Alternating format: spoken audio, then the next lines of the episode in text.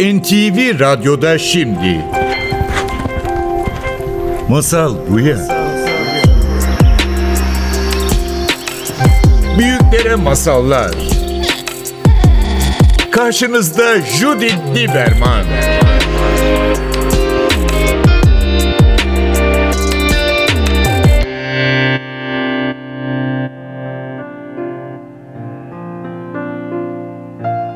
Masal Buya'ya hoş geldiniz. Bugün yine bir Zoom programı ile birlikte Filiz Delek'le birlikteyiz. Filiz hoş geldin. Hoş bulduk.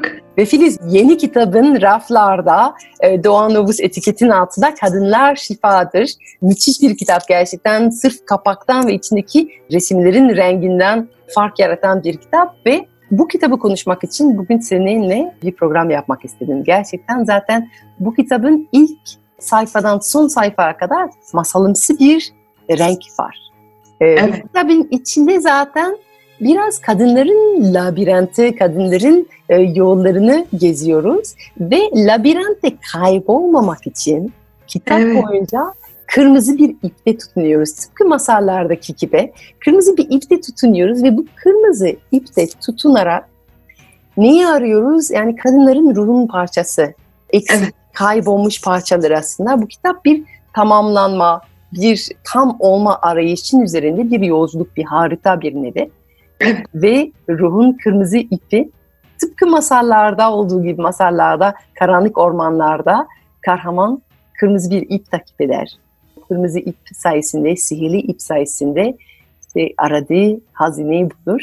Ee, Umarım biz de bu kitapla birlikte, bu kırmızı iple birlikte e, içini bazen kaybolduğumuz, kadın olarak kaybolduğumuz labirentin içinde yolumuz bulacağız. Ee, Hoş Evet. geldin tekrar. Hoş buldum, hoş buldum. Çok Şimdi sağ ol. ilk önce sana bunu sormak istiyorum. Filiz, kadınlar şifa mıdır? Kadınlar şifadır diye bir e, başlık attın. E, neden yani bu çağında, bu Hı hı. yaşadığımız olan döneme kadınlar nasıl bir şifa getirir sence?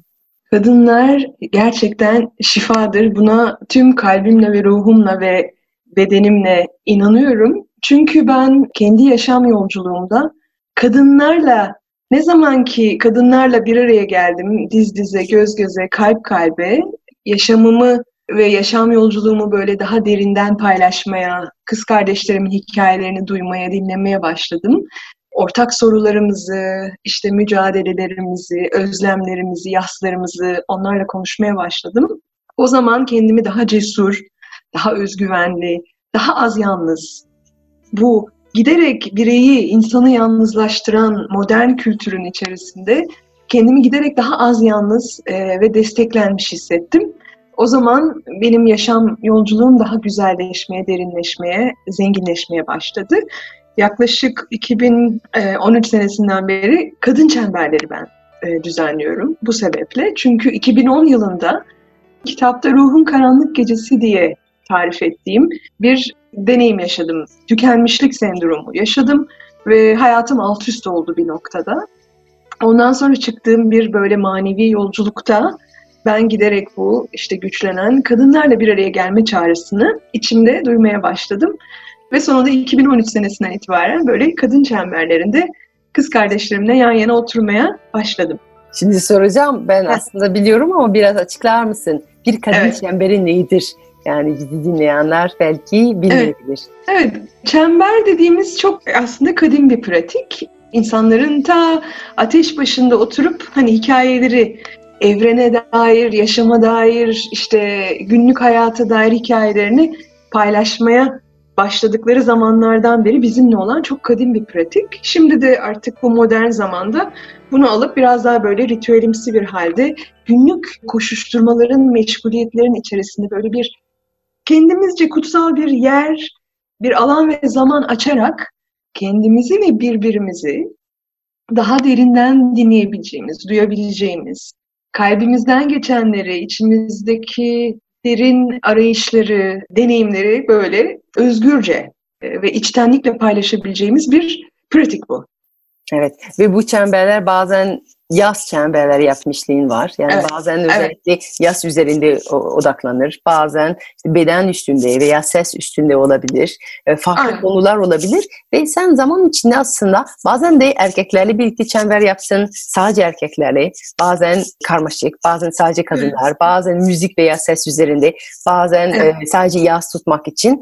Ve bütün aslında bir nevi sohbetler, bir nevi bir araya gelmek Evet. dünyayı şifalandırmaya yani toplumumuz en azından şifalandırmaya niyetleniyor ve burada çok ilginç bir yaklaşımın var yani iyileşmeye doğru gitmek için çoğumuz çok bireysel bir yol seçiyoruz. Yani şu an iyileşmek için en bildiğimiz olan yol psikoloğa gitmek. Yani biri bir bir terapi yapmak veya kendimiz yazmak. Yani genellikle bir insan iyi değilken doktora gider, bir oda içine kapanır bu doktorla birlikte ve doktorlar ya sözler ya e, ilaçlar verir ve böylesine iyileştiğimizi biliyoruz. Ama burada başka bir şeklinde e, gelişim için veya iyileşmek için, şifa için birlikte bir araya gelmek. Büyük kalabalıklar bazen yani 15, 25, 50 kişi bir araya gelebilir, Evet. 100 kişi bir araya gelebilir ve bu 100 kişi bir çemberde oturup eşit bir şekilde konuşarak birlikte iyileşmek. Sence neden şifa bu bir araya gelmekten gelir? Ya ben modern yaşamın ve modern insanın en büyük trajedisinin kendi yaşamımdan da çok iyi bildiğim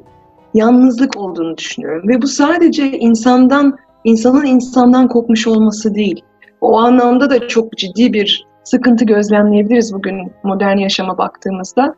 Benim çalışmalarım arasında yer alır kitapta da çok bahsediyorum. Kültürel fakirlik, kültürel yoksunluk dediğim şey artık insanların bir köye, bir kabileye, bir topluluğa ait olarak doğmaması, e, bu kabilenin, köyün, topluluğun işte kavrayışında olmayışı ve e, bunun getirdiği bir sürü sıkıntı yaşamın içerisinde. Fakat bu yalnızlık sadece bundan da ibaret değil. Bu yalnızlık insanın doğadan, yeryüzünden, e, yeryüzünün döngülerinden, bütün o bir de göze görünenin ötesinde bir alem var bence. İşte oralardan da kopmuş olması ve bununla gelen de bir yalnızlık var insana dair. O yüzden en büyük sıkıntımız hani bu iyileşme sürecinde hep yaşadığımız sorunların bize ait olduğunu, şahsımıza ait olduğunu ya da en fazla ailemizden kaynaklandığını düşünüyoruz. Buna inandırılıyoruz. Halbuki yaşadığımız pek çok sıkıntının, problemin kökeninde ciddi bir kültürel ve kolektif sisteme dair bozukluklar olduğunu gözden kaçırabiliyoruz. Bu bizi iyice böyle işte kendi kendime iyileşmeliyim sıkıntısına, çaresizliğine düşürüyor. Halbuki zaten iyileşmenin bence en güzel, en gerçekçi yolu diyeceğim. O birliğe, bütünlüğe, yaşam içerisindeki hem insan insana birbirimizle hem insanın doğayla, yeryüzüyle o bağlantıyı yeniden kurabilmesi. Yani aslında biraz köyümüzden ayrıldık. İlk önce şehirlerde mahalle diye bir şey vardı. Yani mahallede Evet, insanlar evet. birbirini tanırlardı. Komşu Evet, ilişki. Bina bile yani benim annem şey anlatıyor. Benim annem 1944 doğumlu. Yani o zaman Paris'te hala gerçekten binalar, mahalleler vardı.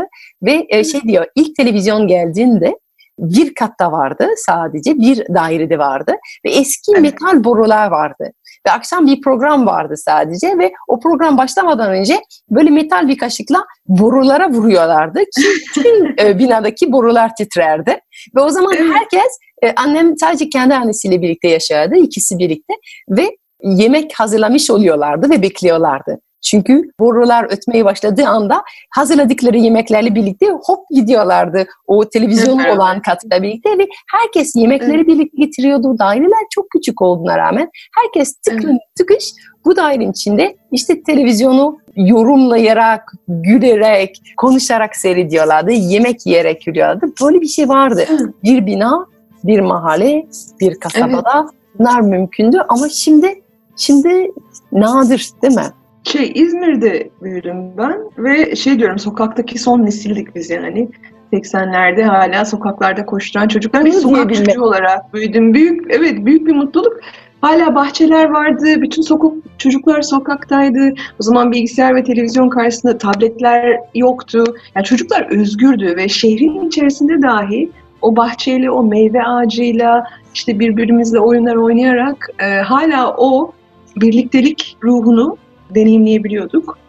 Bunu yaşamış olduğum için çok memnunum ama sonrasında da çok açık bir şekilde şahit oldum. Bütün o kurgunun nasıl bozulduğuna ve değiştiğine ve buna dair bir yas ve özlemin de hikayesi aslında kadınlar şifadır. Bunu Evet. nasıl gün be gün kaybettiğimize dair. Aslında bu labirentten, bu içinde kaybolduğumuz labirentten çıkışı. Yani bu kırmızı Evet. ip o yüzden bundan çıkmak için. Yani çok güzel söyledin. Bağlantı ilk önce bedenimizde belki, ondan sonra toplumumuz, ondan sonra doğa, ondan sonra insanların inançlarına göre daha geniş bir şey olan bir bağlantı da olabiliyor. Yani o bağlantılar koptukça insan çok bireyselleşiyor. Orada o yüzden Evet. şeyden bahsediyoruz bizim toplumumuzda. Hep kişisel gelişimden bahsediyoruz. Ve sen Evet. girişten itibaren şey bu kelimeye karşı çıkıyorsun. Hatta şey Evet. diyordun, e, benim kitabım e, kişisel gelişim bölümünün içinde şu an kitap evlerinde ama keşke Evet. bütünsel gelişim diye bir e, bölüm olsa diyordun az önce. Çünkü bütünsel gelişim daha fazla inandığım ve bahsettiğim. Kişisel gelişim Kesinlikle. kelimesi niye sana iyi gelmiyor? Evet ben şahsen kişisel gelişimin karşısında değilim tabii ki Cüdit. Biliyorsun ben de kendi yaşam yolculuğumda gelişimim ve büyümem ve kendi tekamülüm için sorumluluk almaya çalışan bir insanım. Bunun çok çok önemli olduğunu düşünüyorum. Her birimizin bunun için sorumluluk almamız gerektiğini. Fakat bunun tek çıkar yol olmadığını, bunun tek başına yeterli olmayacağını, içinde parçası olduğumuz bütünün, kolektifin, kültürün dönüşmedikçe, değişmedikçe biz kendi kişisel gelişim çabalarımız içerisinde o yalnızlık içerisinde sıkışmaya devam edeceğimizi inanıyorum. O yüzden kişisel gelişim olduğu zaman da şunu sorabilmeliyiz kendimize. Ne için? Ben sadece tek başıma iyi olursam, bütün olursam, harika olursam bu dünyada var olan benim mevcudiyetimin, yaşamımın bağlı olduğu dünyanın ve diğerleri diye gördüğüm tüm yaşamın tüm parçalarının iyi olmadığı bir durumda bu bana ya da yaşama ne hizmeti dokunacak bu kişisel gelişim dediğimiz şeyin. Yani ben hep o ne için, kişisel gelişimse de ne için sorusunu çok çok önemli buluyorum ve o farkındalıkla bizim bütüne nasıl bir etkimiz var, bütünün bizim üzerimizde nasıl bir etkisi var, bunu hiç gözden çıkarmadan, yani bunu unutmadan o büyüme ve değişim, dönüşüm, iyileşme yolculuğumuzu sürdürmeliyiz diye düşünüyorum. Evet ve bu, bu, seni dinlerken benim aklımda şey getiriyor. Ee, kitabının başlangıçtan şeyden bahsediyorsun. Şimdi bu zamanın ruhundan bahsediyorsun. Evet. Biraz Evet. yani yalnızlıktan bahsediyorsun. Aynı zamanda o dengesizliğine dair birkaç başka şeylerden bahsediyorsun. Biraz onlardan Evet. bahseder misin? Zamanın ruhu, şimdi içinde kaybolduğumuz olan bu döneme sana ne söylüyor? Şimdi bağlam her şeydir. Bağlam her şey. Kitabın başına zamanın ruhu bölümünü koydum. Çünkü bu kitabı neden kadınlar şifadırı biraz açmak istedim okuyucuya öncesinde. Çünkü benim yaklaşık 20 yıldır e, takibini yaptığım, hani dünyaya baktığımda, insanlığın yolculuğuna baktığımda hep büyük resmi görmeye ve anlamaya çalışıyorum. Çünkü o büyük resimden bağımsız kendimizi anlayamayız, kendimizi konumlandıramayız ve o bütünlük yolculuğumuzu anlamlı bir şekilde sürdüremeyiz bence. O bütünü neyin içinde olduğumuzu anlamak çok önemli geliyor. O yüzden bu bölümü yazdım. Orada da hani bu içinde kaybolduğumuz labirent dedim biraz önce. Aslında labirent içinde kaybolabileceğimiz bir şey değil. Yaşam da öyle. Kitaptaki labirent yaşam yaşama dair bir metafor. Ve yaşam içinde kaybolmuş gibi hissettiğimiz anlar olsa da çok derin zorluklarla işte hani musibet dediğimiz deneyimler içerisinde evet yerin ayağımızın altından kaydığı ve işte yine benim ruhun karanlık gecesi diye tarif ettiğim zamanlardan geçsek bile aslında içinde kaybolduğumuz bir şey değil. O kırmızı ipi takip ederek yani yaşamın içerisinde bizim yaşamımız içerisinde karşımıza çıkan her şey birazcık o labirentin merkezindeki hazineye bizi götüren ki o hazine bizim kendimize dair işte o tekamül yolculuğumuzu mümkün ve anlamlı kılan nasıl diyeyim erginlenme kapıları, bizim için hayatta önemli olan sorular, öğrenmemiz gereken konular, kırmızı ipi takip etmek biraz onu e, sembolize ediyor. Karşımıza çıkan her şey aslında bizi büyütmek, bizi erginlemek, bizi daha kapsayıcı, güçlü, şefkatli, işte Her adım yolculuğun bir parçası aslında. aynen. Zor olsa bile veya yalnız olsa bile veya kopuk olsa Evet. bile. Aynen. Ve bunun kolektifte de bir karşılığı var. Yani bugün hani son iki yıldır içinden geçtiğimiz süreç özellikle pandemiyle daha görünür olan büyük büyük büyük değişimler kültürel anlamda, işte bilinç seviyemizde, işte karşı karşıya olduğumuz dünyadaki krizler, ekolojik kriz biliyorsun, iklim değişikliği e, artık burada kapımızda. Bütün bunlarla kolektif olarak da insanlık ailesi olarak da biraz kaybolmuş hissediyor olabiliriz. Fakat kitabın da vurguladığı, benim de inandığım, peki ya bu bizim için bir erginlenme kapısıysa, bir erginlenme şansıysa, yani bütün bu zorlukların, bütün bu içinde sıkıştığımız, kaybolmuş hissettiğimiz deneyimlerin içinden geçerek biz daha evet daha bütünü görebilen, daha uyanık, daha belki hizmete çağrımızı duyabileceğimiz bir bilinç seviyesine gelebilir miyiz insanlık ailesi olarak? Ve kitapta özellikle neden kadınlar bu anlamda belki bu sürece liderlik yapabilir? Neden kadının doğası onun değişime, dönüşüme, bilinmez ve tanımadığımız yeni coğrafyada diyeyim. Pandemiyle birlikte her şey değişti, dönüştü ve dönüşmeye devam ediyor biliyorsun. Kitapta biraz kadınların bu süreçte hani değişime dönüşüme daha yatkın doğaları sebebiyle nasıl evet vizyonerlik ve önderlik edebileceğinden bahsetmeye çalışıyorum. Evet, çok güzel gerçekten. Ve seni dinlerken tam böyle bu konuda yani zamanın çağı anlatan bir masal hakkında geldi. Yani e, söylüyorsun bazen kendimiz için bir gelişim yaratabiliriz. Kişisel bir gelişim ve içimizde evet ben tüm ve kendi dengemi kurdum diyebiliriz ama ya içinde yaşadığımız dünyanın dengesi tamamen bozulmuşsa o zaman gerçekten bu sürdürülebilir bir durum olur mu? Bu faydalı bir durum olur mu? Bu fark yaratan bir durum olur mu? Tam bunun üzerinde deli eden suyun masalı anlatmak istedim. Filiz bana katıldığın için bugün çok teşekkür ederim. Ben de teşekkür ediyorum Cedet'im. Seninle sohbet etmek çok büyük bir zevk.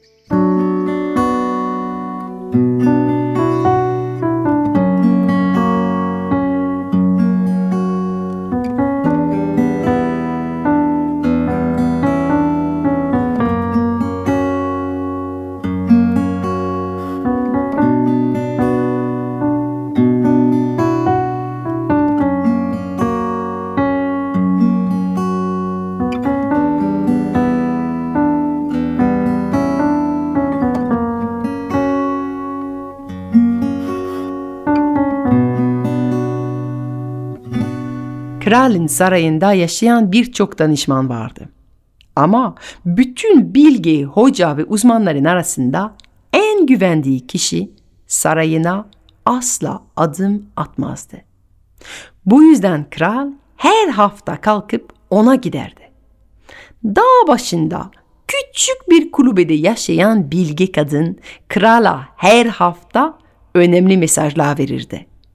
Bazen alması gereken bir önlem, bazen yapması gereken bir yatırım veya geçirmesi gereken bir yasa hakkında rehberlik ederdi. Tavsiyelerinin kaynağını söylemezdi. Ama her ne dediyse daima doğru çıkardı. O nedenle kim ne derse desin kral onun en garip tavsiyelerini bile harfiyen uyardı. Bir gün yaşlı kadın kralı sert bir sesle uyardı. Büyük kral, ülkemize korkunç bir tehlike geliyor. İki gün sonra her yerde insanları delirten bir yağmur yağacak. Ve o yağmur bütün su kaynaklarınıza karışacak. Çok az zamanınız kaldı.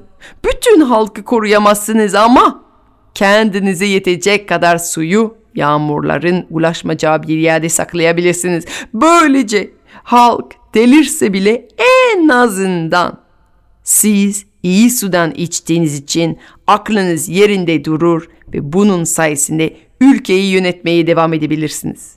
Kral saraya döner dönmez bir miktar suyun saklanması için talimat verdi.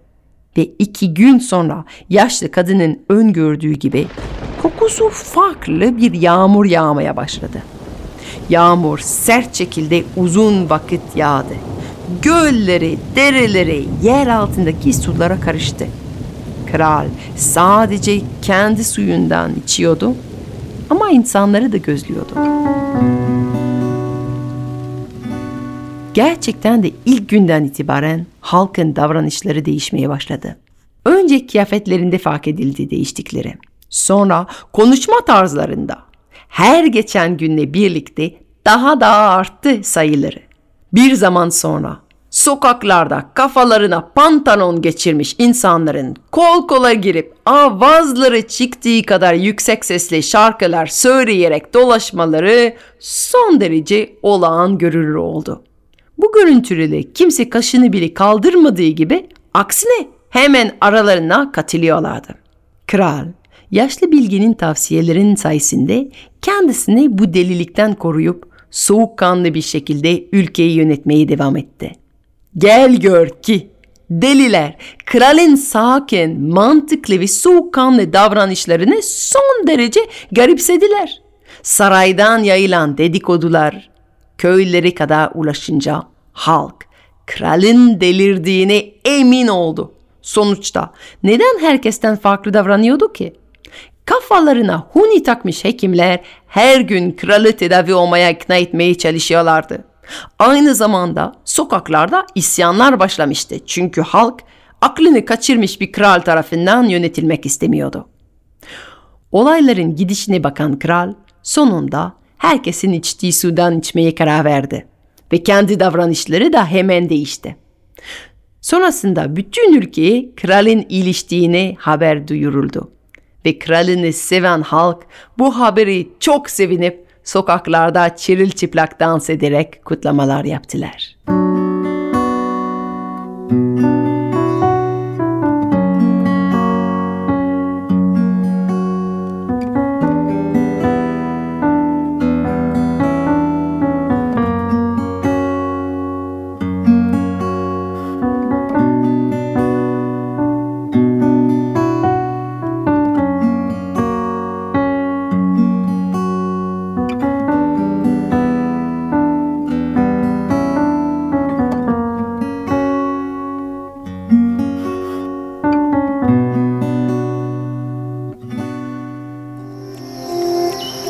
Judith Lieberman'la Masal Buya'nın bugünkü bölümü sona erdi. Kaçıranlar ve tekrar dinlemek isteyenler için programın tüm bölümleri NTV Radyo'nun web sitesinde Apple, Google, Spotify podcast hesaplarında istediğiniz zaman ulaşabilir, istediğiniz yerde dinleyebilirsiniz.